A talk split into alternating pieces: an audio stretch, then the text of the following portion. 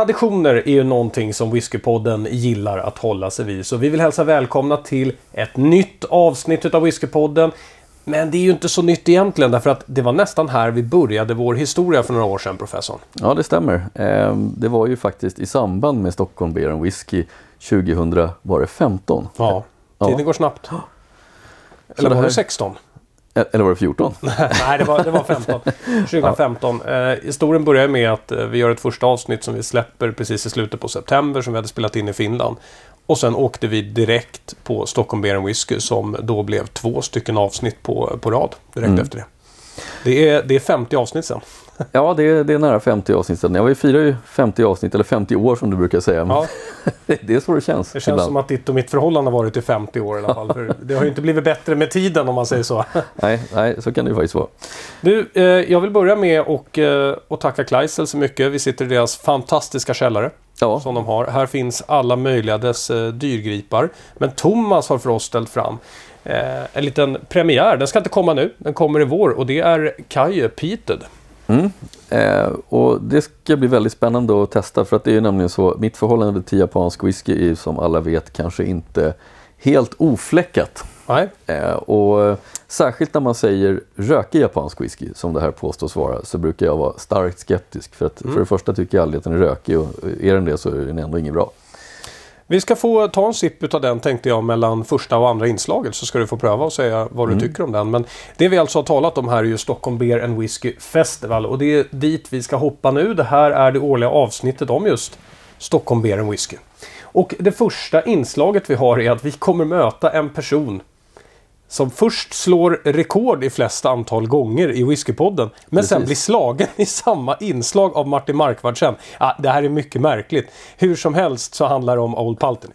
Ja, Hello, I'm standing here with uh, Malcolm Waring. That's uh, welcome to the show, Thank you. Thank you for having me here. and uh, thank you for letting us be here. We are at uh, the Stockholm Beer and Whiskey uh, Fair this year, and uh, could you please introduce yourself? Yeah, I'm uh, Malcolm Waring. I'm distillery manager at Pulteney Distillery, uh, right on the north coast there. Uh, started my career there about nearly, well, just come on 30 years ago. Yeah, So that's a long time. that's a long time. Yeah. Well, yes and no. Yes, not when you're enjoying yourself. It's not. Of course, Too not. short. yeah, yeah, and you're still going strong. so Oh yes, I very much so. Yeah, still Yeah. there. Been there since 1826, and absolutely no plans to move from there at all. So Oh, that's nice. I actually heard that uh, you are tying Martin Markvardsen from uh, Highland Park on appearances here at the Stockholm Beer and Whiskey Oh, Festival. oh, well, I so you're a bit that. of a legend here I don't know well. about that. Is Martin here this weekend? Is he? Yeah, he is. All right. is, Okay then. I'll catch up with him and see how many times he's been. That's nice. And we're here uh, in the Old Paltony uh, stand to uh, have a closer look, or actually a very deep dive into the warehouses of uh, Old Paltony. All right. Okay then. Okay. So we're we're uh, we're trying three uh, releases, and these are not the the regular 12-year-old, right? No, no, far from it. These uh, these are kind of out with the kind of core range. It's a, a limited release of what we've done.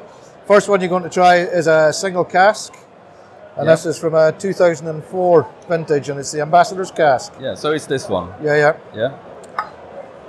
And uh, what's the what's the thinking behind the, th- this release? Is it uh, is it the one selected by uh, uh, the ambassadors from that Oh. came from Sweden, right? Yes, that's right. yeah, That's correct. the one with So- Helena and Martin. Yeah, yeah. So they Yeah. selected this cask from 2004, bottled at cask strength, natural, uh, 52.5, and it's from a first fill American bourbon cask. Yeah. and very, very, not unlike the 12 and Wee, it's, it's very reminiscent of the town. You know, not right up the north coast. You've got that salty brininess going on it, Yeah, absolutely. and It's, uh, it, it is in the style of Old Paltony. oh, very much. definitely, Yeah, It, it just really typifies Pulteney, where we are, Yeah. and what we're all about. Uh, a little bit more fierce, since I guess this is cast strength. This is cast strength. Yeah. so it, it's not as smooth as uh, as you No, no, that, from. yeah, yeah, no, no, it's exactly that's not what it was intended to be. You know, although it's reminiscent of Wick and reminiscent of 12, it's something that is different from it, and it's a single cask, and you want to highlight, you know, the attributes of the cask as well, you know, through the whiskey, and this really has its own story to tell. You know, Yeah, it, it has some attitude. Definitely. oh, it has Yeah. attitude. Yeah, it's it's. Uh, this is nice. Oh yeah, it's fantastic. It's, it's for somebody that really wants to try something different in Pulteney, and you know nail it down as you say, and go something deep into it, and then you know come out with something a, a single cast variant from it. It, it, it has a, it has a really nice vanilla and, and the sweetness going on, and Yeah. you have the hints of the sea as well. Yeah, yeah. It, it's really nice. You've got the honey. Good, good job. Martin and Helena. Good choice. Good choice. Thank you. Um, and uh, moving on, um, Yeah, moving on what now. do we have next? This is a 25 years old, okay? This started off life in a, an American oak, okay? And it spent, you know, predominantly its life in that, and then it was taken from there and it was racked into first fill uh, Spanish, it's Galician, okay? Yeah. So it's, it's bringing something else to the table in terms of a balance. Yeah, this is something Okay. very different. From, Yeah, uh, so it's it's kind of, you know, it's bringing a bit of smoothness to it as well. So you know, you haven't got the kind of coastal attributes that you have in the first one. It's a bit smooth now, so you're bringing down something that's that's spent a lot of a time in, in Dunnage warehouse. Okay, Yeah. Yeah, you can you can you can smell the, the age of this one. Yeah, Actually, it, it yeah. smells it smells older, more mature, and uh, you have a different sweetness to this going on with more like darker tones and, and maybe dark fruit as well. that's right. Yeah, Yeah, so it's it's a, it's actually very very different from uh, from the young one, uh, the younger one. yeah. it- the younger one is, is tends more to be on the, the kind of sweet, eh, you know, citrusy notes, where this one is bringing something else. Yeah. You know, you've got that smooth coastal expression there as well, but you've also got what I get is a lot of the, the softer fruits, you know, some of the stone pulpy, you've got peach and apricot going on there. Like, an, uh, uh, you know, well balanced with the vanilla going through it then from the, the American bourbon side. I can say if, if, if you get the possibility to try this one, it's it's uh, it's really good. I can't I can't uh, I can't hide my smile here really No, no. because this is Hold on to your hat because it's going to change your life forever, as they say. I mean this is uh, a very complete uh, whiskey. It's uh, it's obviously 25 years old, but still yeah, it, it's really good even compared uh, with that. yeah. Yeah. Okay.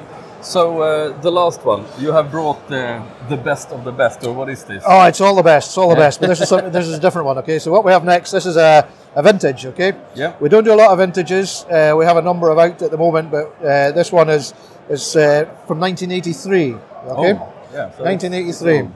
So geographically in Wickton, our warehouses, this is the most uh, southern part. Okay. Yeah. But these were in racks in American oak. These were in hogsheads. Okay, we, we call them dumps. So they originally started off life in uh, American barrel and extended out into a hogshead. Okay, uh, what it's done is it's slowed down that maturation, but it's been high up in the rack. Okay, so the loss has been greater, but really has intensified the fruits in it. Okay, so it's So like it's a more concentrated. It's more concentrated, yeah. Yeah. And then I've taken it out of that, and again, then I've put it into American, into Spanish oak, okay, Galician, and it's had a number of years in that, and it's it's really kind of brought the the fig, the tobacco, you've got the the chocolate, Yeah. and the clove going on there, okay. Yeah, the- but it's all in balance. It's all the in no- balance. The nose is even darker, I would The- say, than, yeah, than the and other it, one, it's it's very 24. elegant. It's deep. It's complex. It's elegant. Even the color tells you straight away. You know, It's you, beautiful You're in gonna, the bottle as yeah, well, yeah, yeah. the glass. It, it's very nice. Hold on to your hat. Yeah.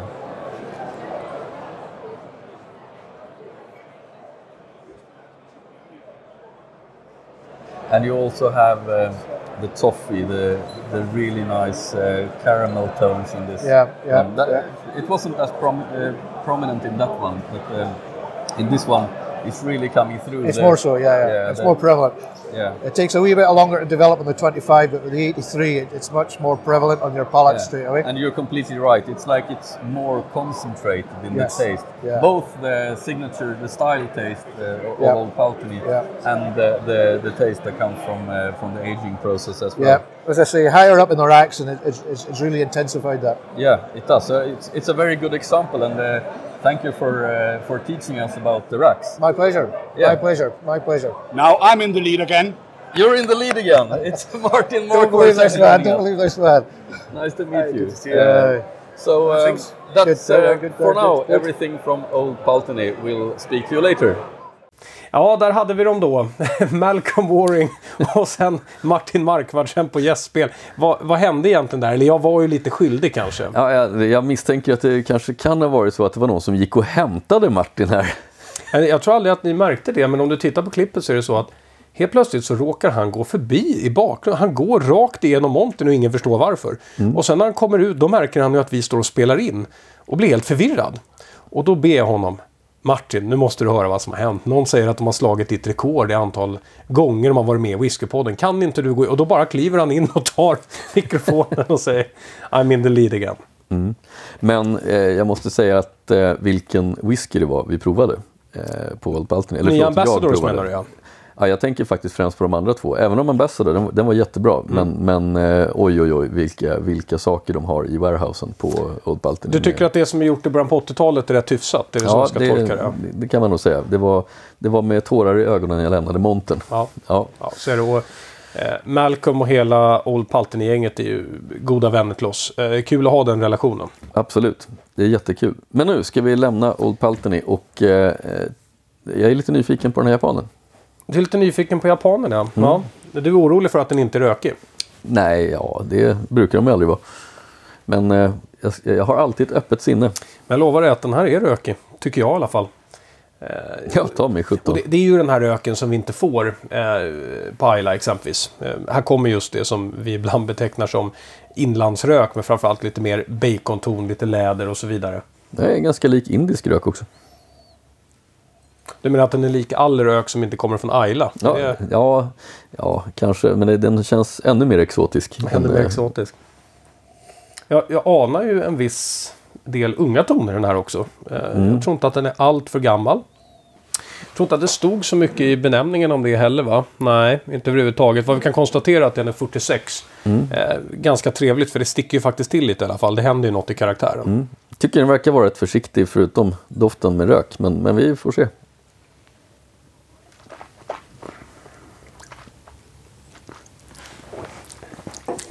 Ha. Hade jag fått gissa, då hade jag nog satt den här på Indien. Okej. Det, det har blivit mycket Indien. Du har börjat gissa på Indien hela tiden. Du vet att det inte är så mycket whisky från Indien va? Jo, jag känner till det, men Mm. den här har den här lite brödmaltiga eh, smaken i botten. Eh, som, som jag starkt förknippar med faktiskt flera indiska destillerier.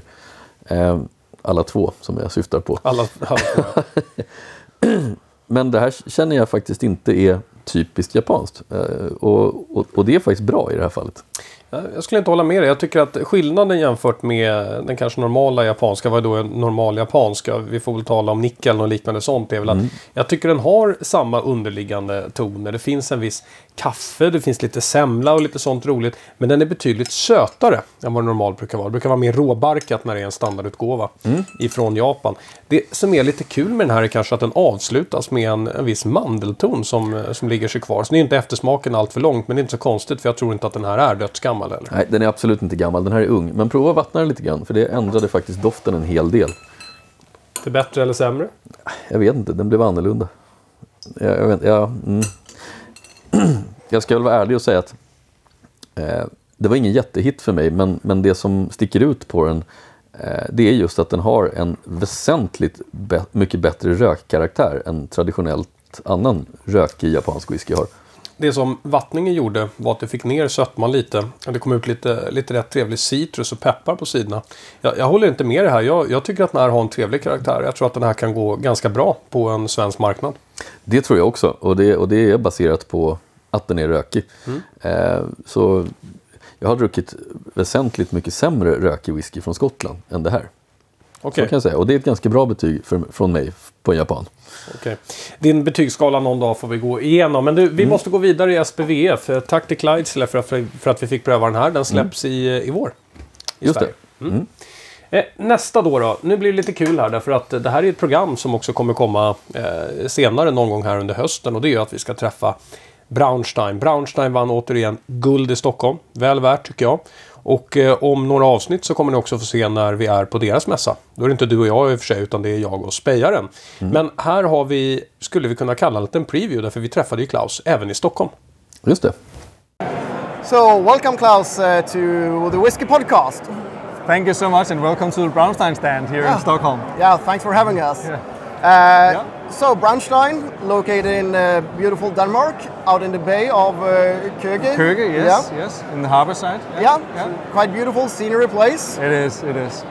And uh, you've been going now for a few years. I know the first time we met you, you were fresh here in Sweden at least. Exactly. But uh, remind me, how many years is it now? Uh, we started out in 2013. Uh, sorry, 2005. So 13 years now. Yeah. So um, yeah. So now we have some some nice old whiskies, but also yeah, that's now we have age in them besides just the, the taste and so on. But now we also have some age on which you can feel in the body of the whiskies. Yeah. Yeah. Yeah, you who haven't still tried Braunstein, you really should. And uh, personally, I would recommend the Everything in the Library series. I really like. Uh, but today we have uh, another one that is not in library as well. Exactly. Can you tell me a little bit about this E E10? Yeah. Well, E10, one, we actually have it as an anniversary whiskey. Each year we release one cask, which is the best cask we have at our warehouse, ready for bottling at the year. What a fun tradition. It is, and we do that for our birthday. So we do that uh, at our first open house in December. Ah, so nice. what we are going to taste here is like a pre-launch uh, of E10, Mm-hmm. which is a non-peated whiskey matured on Oloroso sherry cask. Ah, Um, sounds lovely. Yeah, it is. It is. Like you, you can see it's Oloroso sherry. You can see Oh, it from the color and so Dark, on. beautiful colors. Exactly. And here we have some of the, not the very first, but some of the first spirits coming out of Brownstein. Mm. So you have the Brownstein character, the fruitiness and so on, but you also have a lot of sweetness from the Oloroso sherry cask. Ah, that should mix good. Yeah, it does. Yeah. And besides, it says E10 edition for E, and 10 is not the year, um, but not just the number in the in the row. But this is actually 10 years. Ah, so, so, uh, happy coincidence. it is. It is. Uh, and this is like a pre pre launch now here at the is. Whiskey Fair. It, it is. So yeah, everybody coming to Stockholm for the whiskey fair can taste something, yeah, that nobody else has tasted before. So um, E10 is it's uh, 50.1%, so it's cask strength. This series is also always released in car strength, directly from the car to the bottle. Yeah, Lo- lovely sherry notes, but also there's a bit of a buttery. it has a bit of fatness. and- Yeah. yeah, Really interesting. yeah, yeah. So is this your favorite of the e- e- edition series, or I must, I must admit that um, we're brothers, Michael and I, who have uh, Brownstein. Um, and uh, Michael is very much into the non-peated versions, and um, I love the peated whi- whiskies. Yeah, yeah. So yes, this is a very nice whiskey. I selected this cask, um, but um, I must admit that some of the peaty casks are more me. okay. But on, on a, I like the fatness in this one. I like the. really? It has so much body. it, Yeah, yeah. So really good. yeah. So yeah, and um, official launch in December then. It is. So you can taste it here. Yeah. Um, and these are samples taken out of the cask. Mm. So actually, well, it is going to have a couple of months more in the cask before we bottle. Ah. Even So more good things to happen, exactly, yeah. Exactly. Lovely. Yeah. So library then. Library collection is something that we started out with from the beginning, Mm. with the first ones, which were 10, um, 1 and 2, and so on. And now we reach. Uh, and you always do one and two each year, right? E- exactly. And the, the things about them is that the 18 is the release year, and one is for non-peated, Michael's works in, yeah. and two is the peated, um, my version.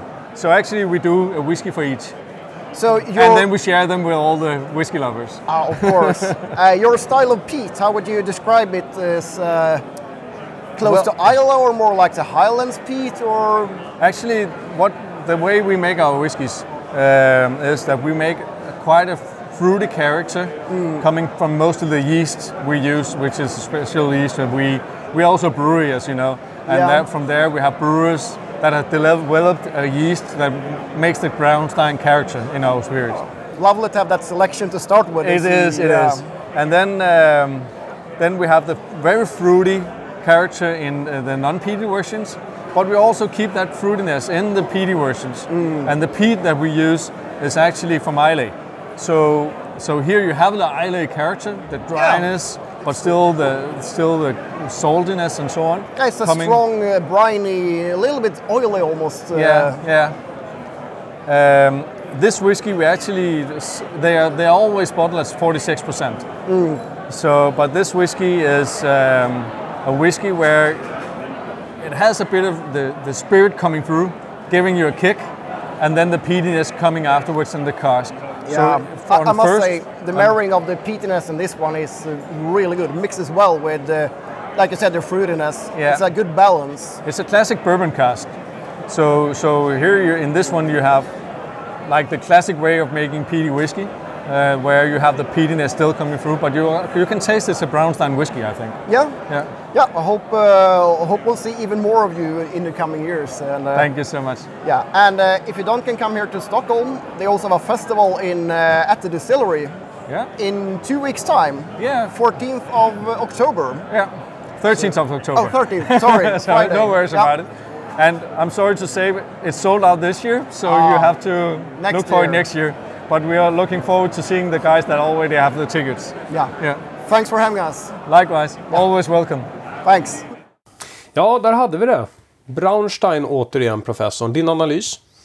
Ja, alltså eh, jag fick ju också prova de här nyheterna som de hade med sig på, på mässan och Braunstein går från klarhet till klarhet. Det blir bara bättre och bättre. Även om jag är- gillar ju kanske mer deras sherry-stil än rökstilen.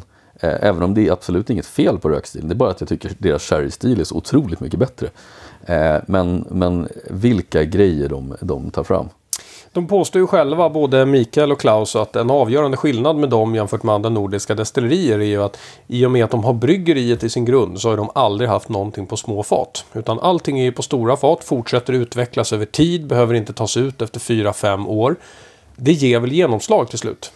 Ja, alltså det, det är klart det gör det. För att om man jobbar genomgående med stora fat, då jobbar man ju på samma sätt som skottarna gör.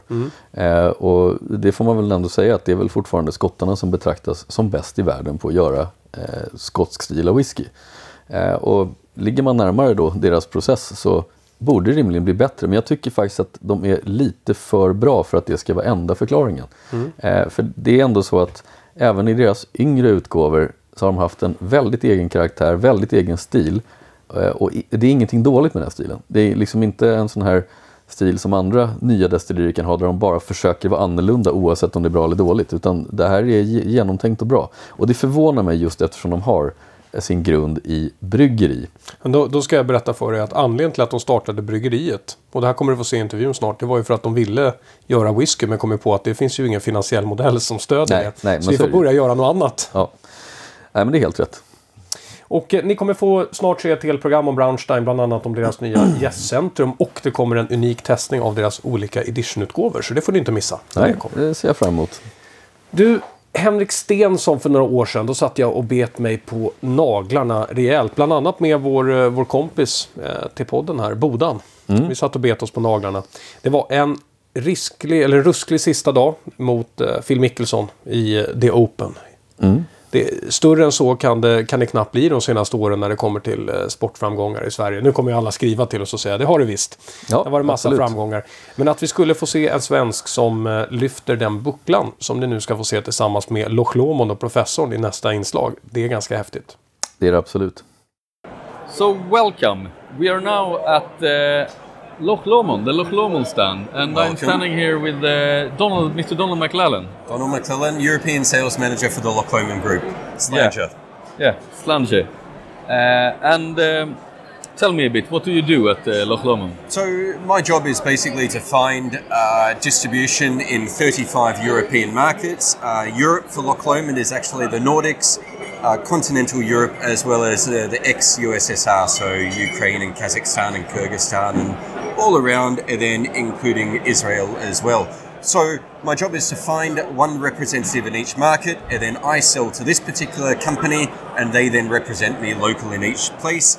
And then hopefully, with sales going well, I come in and do a few tastings and uh, and see the product selling. Yeah. Visit golf clubs, go to restaurants and such, and uh, all in all, hope the whiskey's moving off the shelf. That's my job. So it's that's why actually quite that's easy. why you're here actually to to to check the Swedish market. And, and I'm absolutely delighted. The Socko Beer and Whiskey Festival with 36,000 people. It is Yeah. absolutely the biggest in Europe, if not the world, uh, over two consecutive weekends. So it's, it's a really unique event. Uh, and the Swedish market is incredibly well developed. Uh, you've been drinking malt for the 14, 15 years I've been in the industry. Yeah. A lot of it. uh, probably the highest per capita in Europe. Uh, and because you've got a really well developed uh, palate, it means that we can bring more complex whiskies to you earlier that we wouldn't take to other And we appreciate it. And that's good fun. And whiskey's fun. It is. I, I agree completely. And uh, tell me, we're standing next to something uh, quite spectacular, to be honest. We are a 150 year old baby uh, we're standing next to. Uh, in February this year, we started an association with uh, the Royal and Ancient Golf Society, Yeah, uh, an incredible old company. like uh, 500 charged- years old. 500 years, uh, Yeah. charged with looking after the game of golf with the laws and all the courses around the world. And uh, we started an association because 75% of golfers drink whiskey Yeah. and 75% of whiskey drinkers play golf. So it's a natural That's a good match. association. and unbelievably, tell me how this works, they're not the same 75%. They- They only meet in the middle a little bit. So an incredible amount of people associate golf and whiskey with Scotland. Probably the top two or three exports from Scotland salmon, whiskey, and golf. Yeah. So we've got two out of the top three. Now that we have the association with the Open, it gives us uh, the possibility to call ourselves the official spirit of the Open, turn up to the competition each year, uh, and put on an amazing show. Launch whiskies using the Open Special Edition and the Open 1999, and then very rarely get the chance to take the claret jug around the world. So it's a 150 year old uh, trophy. The name of every winner, their score, and the golf course has been inscribed. Yeah, I can see Uh, Tiger Woods here. I can see Stenson from Sweden. Stenson, fantastic, uh, representing uh, Sweden. Tiger Woods, uh, three years, uh, 2000, 2005, 2006. And of course, uh, Francesco Molinari, very recently, only a, a month or so ago. Yeah. Who on earth, even on the final day, would have put a penny on Molinari to win against six or seven Americans? Oh, that's and spectacular. Yet, slow and steady wins the race. He played. He played the percentage shots hole after hole, and absolutely wonderful to have an Italian winner. So Europe, two out of three years. Uh, with Spieth in the middle there, so Italy, US, and then Sweden uh, winning the last couple of years. So it's beautiful to be able to show golfers and whiskey enthusiasts the actual one and only. Yeah, because this is jug. the actual. This is jug. it. This is it. All of the dents, uh, probably from the celebrations Molinari this year or, or from Stenson a couple of years ago. So uh, it's beautiful. We can only take it out of the Golf Museum in St Andrews uh, occasionally. Uh, Yeah. But Sweden loves golf and loves whiskey, so it was a real natural. So very, very special to be able to have it here. It's fantastic. Delighted. It's fantastic. Absolutely delighted. Yeah. Yeah. So uh, a, a good reason to visit the stand, at least. Absolutely. Except, except for the whiskey, of course. And, and we're having here in our glasses uh, the Loch Lomond 15, the Yeah, 15 years so, old, the, uh, new, the new expression. the new expression. We've had Yeah. the Loch Lomond Original as a kind of benchmark malt in Sweden for many, many years. I believe about 16 or 17 years it's been there. Yeah. The price has changed as the taxes and duty change occasionally, but at the moment we're sitting at 299, uh, selling incredibly well. Uh, and as I say, it's a real benchmark for our company. However, we want to build on the benchmark. So, just launched on the 1st of September this year, 549 uh, SEK. Yeah. We're talking the Loch Lomond, 15 years of age. Now, as I said ve- to you it's very earlier, typical, It's very typical. So, what makes Loch Lomond? Loch Lomond is all about flavour creation, and most of which it occurs before the distillation. The thinking of our company is we have the longest, one of the longest distil- uh, fermentations in the industry. Yeah, you have over 100 hours. Yeah. The first 48 to 60 hours creates alcohol, and most distilleries will then stop the process uh, or leave it to cease, and then they'll distill. Distillation is really only cleaning what's already there. So if you have a basic beer wash, then you're going to make a, a good whiskey.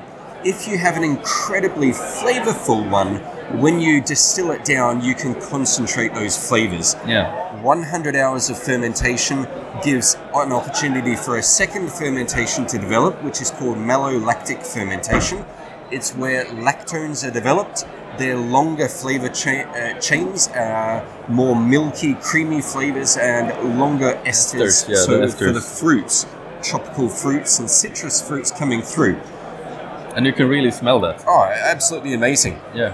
When we distill, we're of course concentrating this and we're putting it into an ex American oak cask so that the oak does not overpower the whiskey. I fully appreciate a lot of distilleries talk about the stills and the shape of the stills, and they also talk about 60% of the flavour coming from the cask. Well, actually, if you have a product that's the same as 99 other distilleries in Scotland, absolutely the cask is where you can make a difference Yeah. and there's a lot of beautiful malts out there, so not a criticism for a moment. But when you have a really rich, flavorful fermentation, uh, you, you only need to put it in a respectful cask to hold it for 13, 14, 15 plus years. So this one, American oak cask, brings a little bit of a kind of creme brulee, sweet vanilla to it, but really it's the fruit that we're talking about. So what do Yeah. you get from this one? Yeah, I, I get the fruitiness, and I also get the signature. I, I like to think of it like uh, uh, heather honey uh, that you get from the fermentation, from the long ferment. A sweetness, a, a, a quite hard to define sweetness. And it's a very complete whiskey. It's, it's nice on the tongue. It's it's a smooth, but but it has power to it. You want a bit of life to your whiskey. Yeah, single malts always had this very old traditional image, somewhat boring. It's a fantastic, vibrant, and exciting drink. So, yeah, absolutely, this has a real life to it. It's got a real tang, a real zing on the palate. yeah, it does. And if I could say, it's probably a, a middle of the afternoon or early evening kind of dram. This is one where you're outside, maybe having a barbecue or a picnic, and you want something light and refreshing at the end of your day. That's that's this one for me. It's got a real a real buzz, a real tang to it. And It is. So We, we're actually running out of program time, but uh, as you know, we uh, released the Whiskey ABC Summer Dram 1 this year. It was an Inchmorin from Loch Yes, Lomond. yes. Uh, it was, uh, in our opinion, the best summer dram you could actually have. It Yeah. was exceptionally fruity, with a nice character, and it was a single cask, of course, at 14 years old. And you also are, you do release now the 17 old organic, and also um, uh, earlier in Sweden, you introduced uh, the 12 and 18 Yeah, again. absolutely. Uh, So- and I heard the 18 will come to Systembolaget in December again. It will, which is fantastic. 12 year old is incredibly well structured, sweet, oily with a touch of peat. 17 years of age. Before people were thinking about organic as a new uh, revolution, they distilled it to see what the what the difference would be. Yeah. Incredibly complex, spicy, and challenging, but an exclusive for Sweden, a worldwide exclusive for you because you understand the more mature flavors. So, organic 17 year old. I Yeah. hope you enjoy it. Yeah.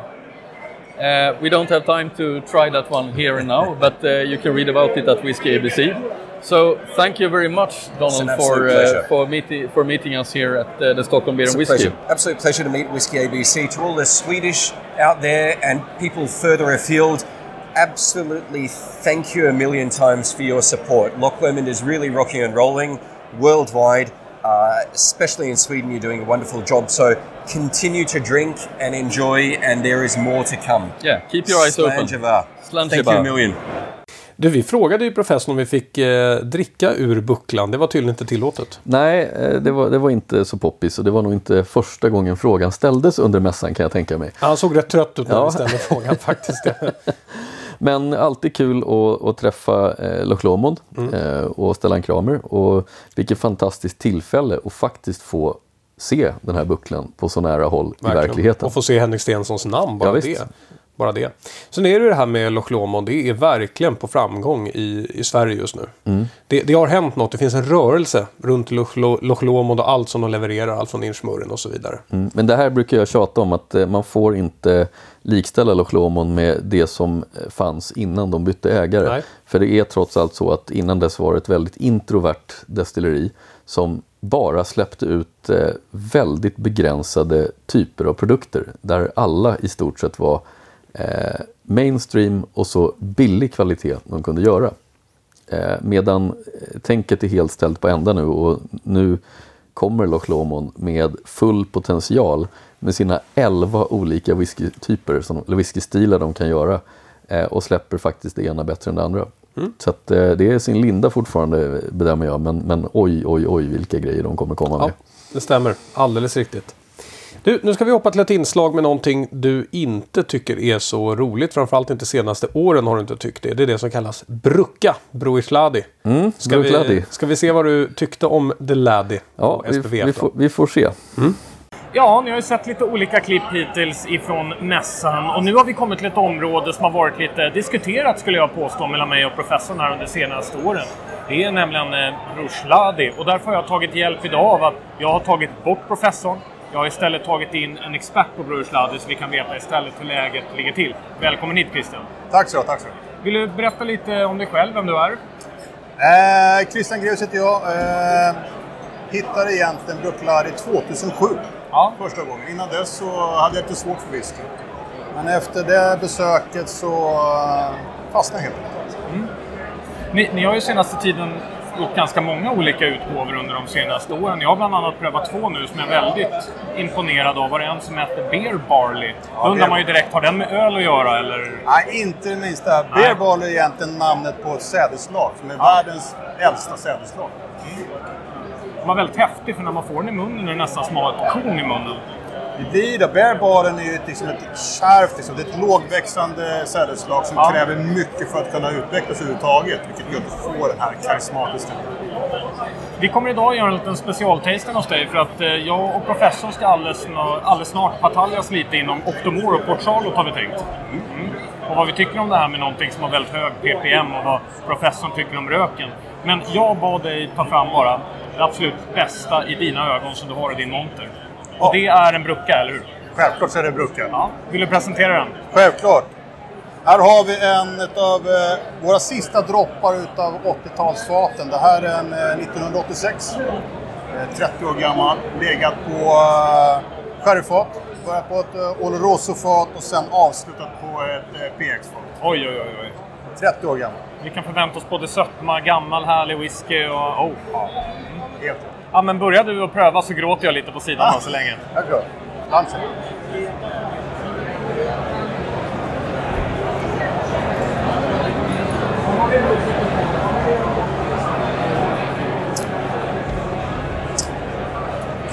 Godis.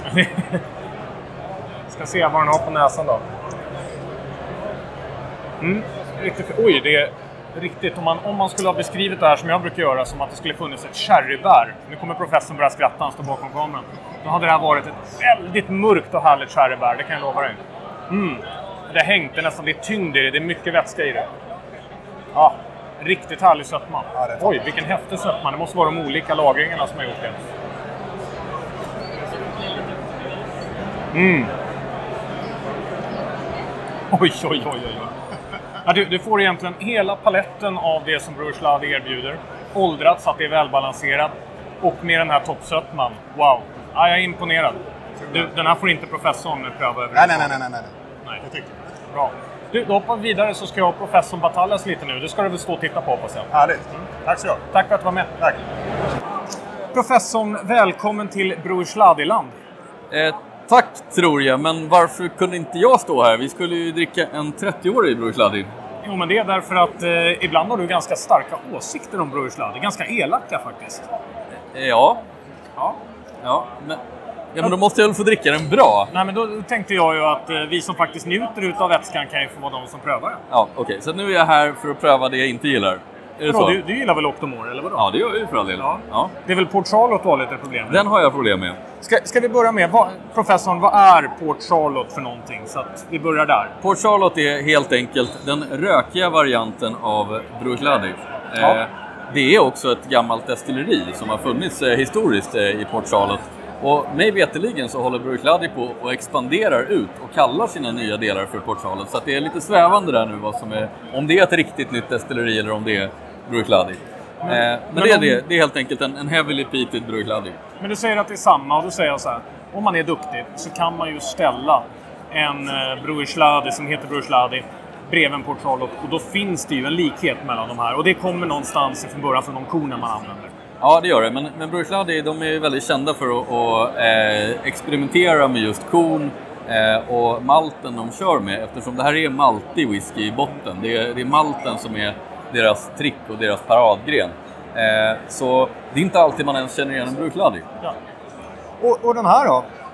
En svart avlång flaska. Det här hade kunnat vara en vinflaska. Ja, det, det är det ju. Octomore, det är också en Bruichladdich, men eh, den är döpt efter gården Octomore som ligger i närheten. Ja. Eh, och det här är ju från början en, en gimmick-whisky som är gjord för att vara världens rökigaste whisky. Eh, nu börjar den komma till åren. Den här vi tittar på här, den är åtta år gammal. finns även en tioåring släppt. Ja. Eh, och nu satsar man inte nödvändigtvis på att vara världens rökigaste whisky i varje release. Nej. Utan nu har man eh, en väldigt hög ppm på mellan 150 och 300. Men, eh, men nu försöker man göra faktiskt bra whisky under den här labeln också. Okej. Jag antar att vi börjar med att pröva Port Charlotte. Vad är det du har problem med när det gäller Port Charlotte? För du har inte gillat de tidigare releaserna. Nej, jag tror att det är en kombination av malten i den som är Bruichladdich och Bruichladdich är inte en favorit för mig. Eh, I kombination med röken som för mig är lite fel typ av rök. Det här är lite mer en gummirök och industrirök som jag inte gillar. Kan jag säga på en gång att då lär du inte gilla den här heller. Nej, antagligen Jag, inte. jag som inte heller egentligen gillar den här gummiröken tycker att eh, Port Charlotte på något sätt är annorlunda. Jag tror att det är delvis därför att man ligger på Ayla. Mm. Så därför tycker jag för en gångs skull att gummiröken faktiskt fungerar i den här vätskan. Det är det jag tycker hela tiden. Vilket gör den till en liten outsider när det kommer till Ayla. Får jag prova den här? ska vi se.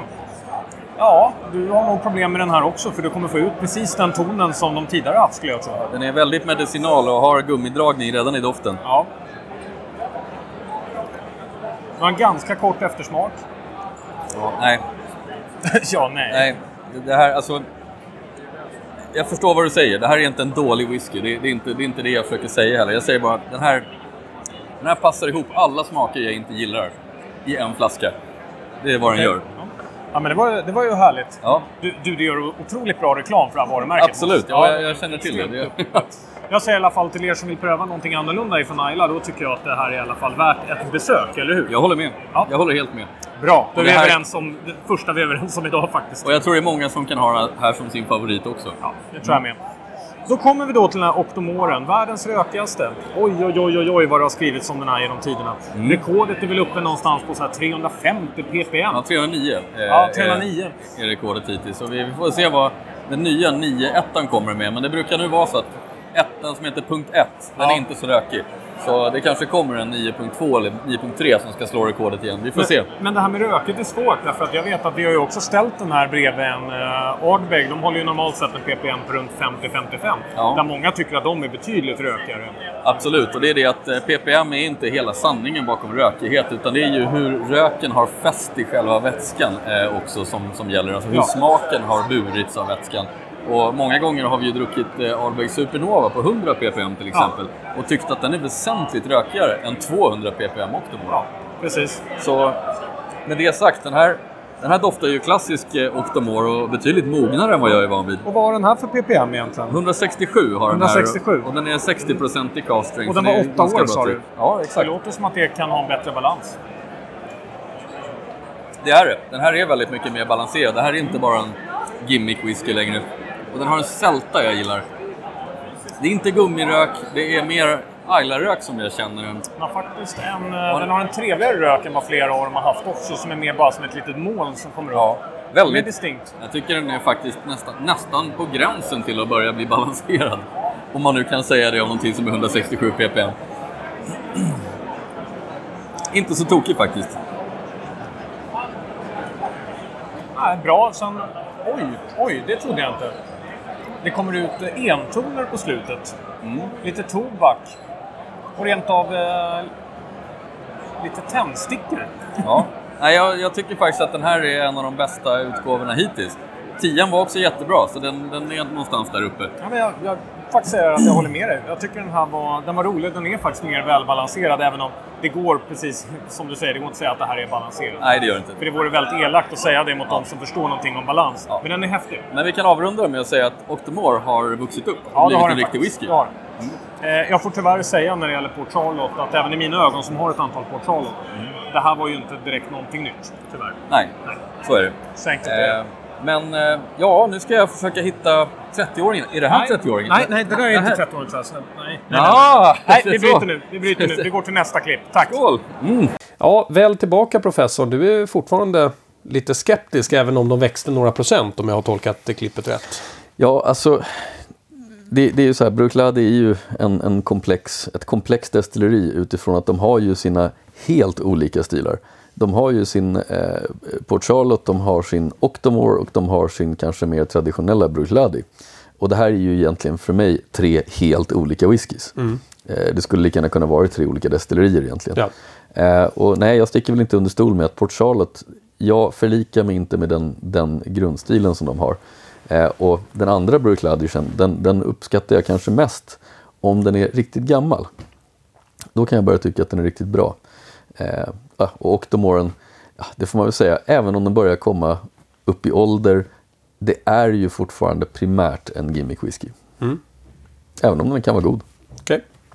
Ja, vi får väl se. Vi får se vad som händer kommande år helt enkelt. Någon typ av eh, inriktning eller ny inriktning har de ju tagit. Mm. Så vi får se. Absolut.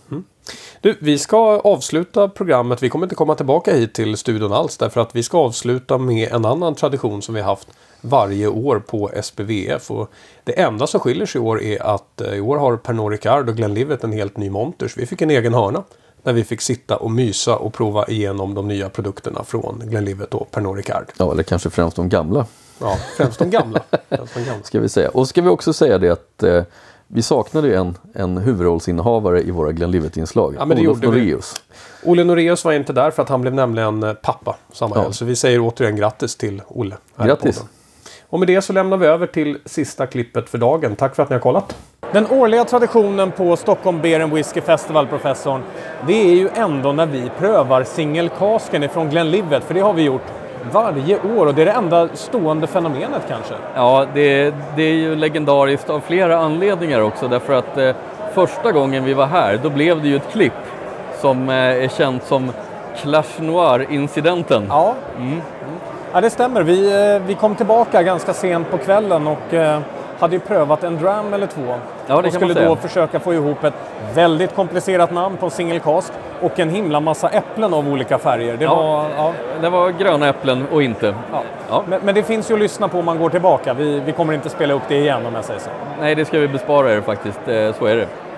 Pernod, eh, Pernod Ricard i Sverige har ju eh, senaste tiden kanske blivit mer känd för någonting annat och det är ju att man har släppt en serie av ganska billig singelmalt med hög ålder. Oh ja, Ja. oh ja. Eh, det här är ju någonting som eh, både glädjer mig väldigt mycket eftersom det är väldigt bra grejer. Ja. Men framförallt förvånar mig att man eh, sticker ut och slänger ut 15-åriga single malts från ganska okända men anrika destillerier till ett fantastiskt pris.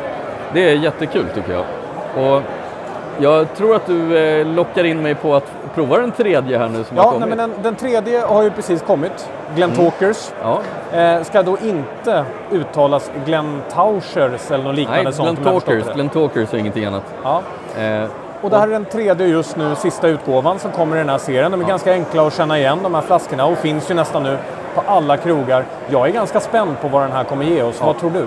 Jo, eh, jag har ju provat den faktiskt innan, eh, ska jag vara ärlig och säga. Eh, Jag, jag trodde det var det vi sa att vi inte skulle säga ja, i ja, men, programmet. ja, ja, förlåt, ja, det kanske vi inte skulle säga, men Nej. den har jag provat. Och vi ska nämna att de andra två som vi pratar om, det är ju Glenburgie 15 och Milton Duff 15. Ja. Eh, och det här är den sista i den här serien. Eh, vi ska också säga att den här kommer inte finnas i samma omfattning som Nej. de andra två. De andra två hittar ni ju på hyllan på Systembolaget. Den här kommer vara i eh, mindre utgåva, eh, troligen bara i beställningssortiment. Det stämmer. Mm. Vilken tycker du har varit bäst hittills? Eh, de har sina olika kvaliteter måste jag vara tråkig att säga. Ja, men nu att- får du välja en. Ja, det är svårt alltså. Jag, jag, är, jag är svag för Milton Duff för att den har mest attityd tycker Är jag. det så? Ja, Jag, jag tycker Glenn Birdie faktiskt Ja. är... eh, Ja. Den är en bättre Kul. sommarwhisky. Då ska Eh, vi se om det här också är en vattendelare då. Skål! Ja, skål! Alltså doften av Oj, den här är oj, oj. fantastisk. Ja, det är jättetrevligt där. Nej men eh, på, på doften seglar ju den här upp direkt som ledare. Ja, det- den är, den är en efterrätt den här. Eh, Eh, och för mig skulle det här kunna vara en doftwhisky. Det här skulle jag kunna ha i bilen som en sån här Och den doftgran. här kommer ligga på samma pris som de andra. Nej, det kommer den inte göra. Den kommer ligga lite högre. Så den kommer inte ligga på väl den här spektakulära 349 eller 379 eller vad de nu Ja, för det ligger hade på. varit otroligt. Alltså. Ja, nej det gör den inte. Den kommer ligga högre. Men den här har ju, den är ju väldigt fruktdriven den här också. Men den har mer karaktär än Glenburgien. Eh, den har lite annat, lite mer elaka grejer som kommer på vägen som inte Det, Glenburgien det har har. den faktiskt. Eh, Jag måste säga, doften på den här är överlägsen bland de tre. Mm. Jag undrar om jag inte tycker att Glenburgie är trevligare i smaken än vad den här är. Man kan faktiskt tycka det, för den är något, eh, den är kanske ännu mer rent fruktdriven än Ja. vad den här är. Jag gillar den här för den här är lite som en, den är lite som en efterrättspaj av något slag. Och, och sen har den ju röda höstäppelskal och det är väldigt trevligt. Det är det, det är något, det är något äppelpajslikt över den. men Det, det, är så. Ja, Har du börjat känna äpplen menar du? Ja, men, eh, ja, utom gröna då. Utom gröna, de kan du aldrig känna. Ja, Nej, men du känner ju gröna äpplen i allting. Eh, det jag också känner i den här är att det finns lite kaneltoner och sånt och det gör ju att det ännu mer blir ett bakverk av det hela. Vi pratade om Summer Dram, jag tror inte att den här skulle vara helt fel en mörk höstdag eller för den delen julen heller. Nej, absolut. Eh, och släppa den i den här säsongen, det är nog väldigt, väldigt rätt. Skulle jag håller jag säga. helt med om. Så, då är det dags för årliga traditionen då. Det är dags för singelcasken. Kan du uttala namnet för annars blir det bara fel. Vad heter årets singelcast från Glenlivet? Pittandlich heter den. Okej, ta det där igen så att alla hör. Pittandlich. Och jag tror att vi har fått det rätt den här gången. Eh, de heter ju lite olika från år till år. Ja. Eh, vi har tyvärr inte bakgrundshistorien om den här. Det brukar vi ju kunna servera, men den har vi inte fått oss serverade den här gången. Det beror ju för sig glädjevis då på att eh, Olle, som normalt är här, som de flesta där ute känner, har ju blivit pappa. Ja, han blev ju pappa till en liten flicka igår, så grattis Olof Noreus. Yes. Eh, jätteroligt, verkligen. Singelcast då. Eh, podden fyller tre år. Det här fyller tre år. Ja, Ja, varför ja inte? hu- hur dåligt kan det bli? Det här brukar vara bra grejer. Oj, vilken vanilj. Oh, det är vaniljglass. Ja, Och och det är verkligen topping. med betoning på glass. Ja. Det här känns nästan kallt att prova. Det kanske är för att den är kall. Ja, det kan bero på det. det kan vara så enkelt. Ja, de var lite kyliga faktiskt. Eh, Även den första behövde ju lite uppvärmning skulle jag Ja. påstå.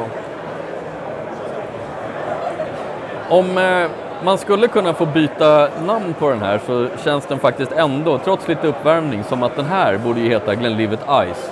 Det är ju redan taget av Ja, eh, den, HP den då, borde, men, ja, den borde faktiskt... men det är liksom vaniljglass, det är en, Mm. en isighet i den här. Eh, läckert. Ja, det, det jag gillar är att vaniljen också ligger kvar. Nu värmer vi på den, det kommer ännu mer vanilj, finns viss pepprighet. Men sen Mm. är det... Mm. Och pepprigheten, den kommer verkligen i smaken. Eh, jag vet ingenting om den här. Min bästa gissning är att det här är fransk ek eh, i ganska hög utsträckning. Oj, oj, oj, oj. oj. Mm. Nu är vi tillbaka med det här med en och sånt som vi talade om lite tidigare idag också. Ja.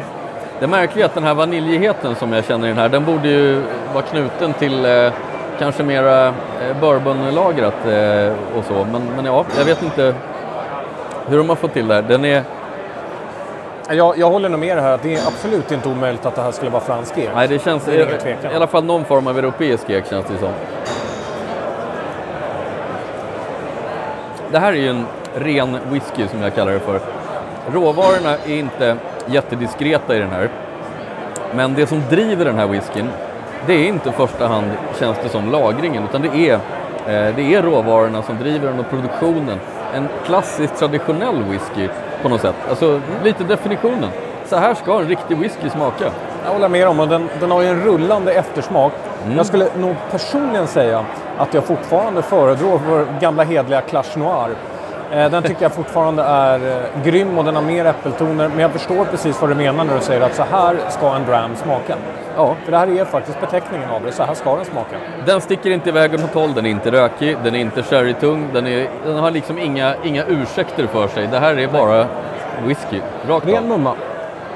Du, Jag tänkte inför eh, Glenlivet 25 så är det ju så att du och jag har en liten speciell historik när det kommer till Glenlivet.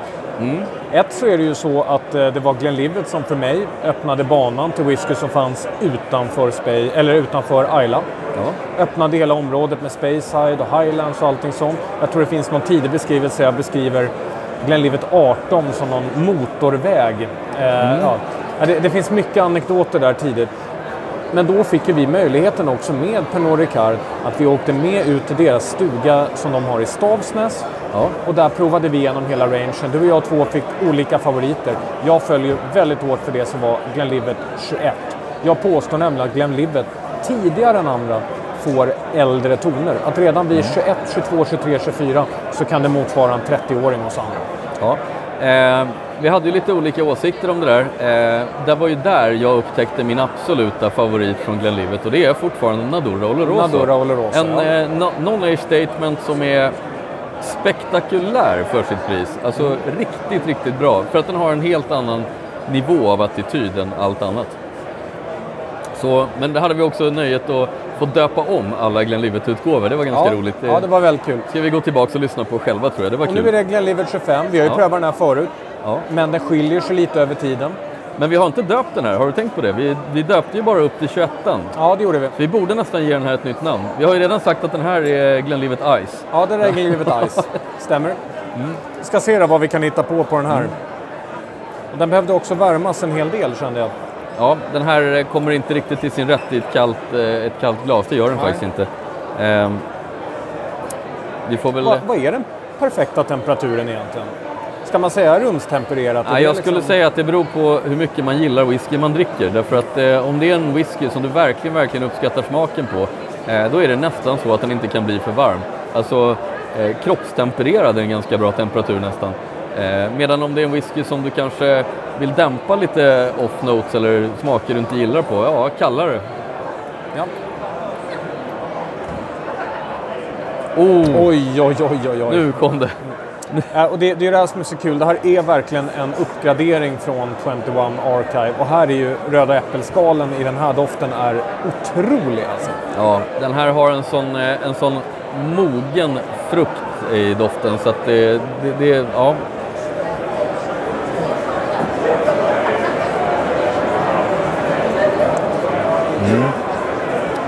Nej, I mina ögon, det, det går inte ens att jämföra de här med de andra två vi precis har prövat.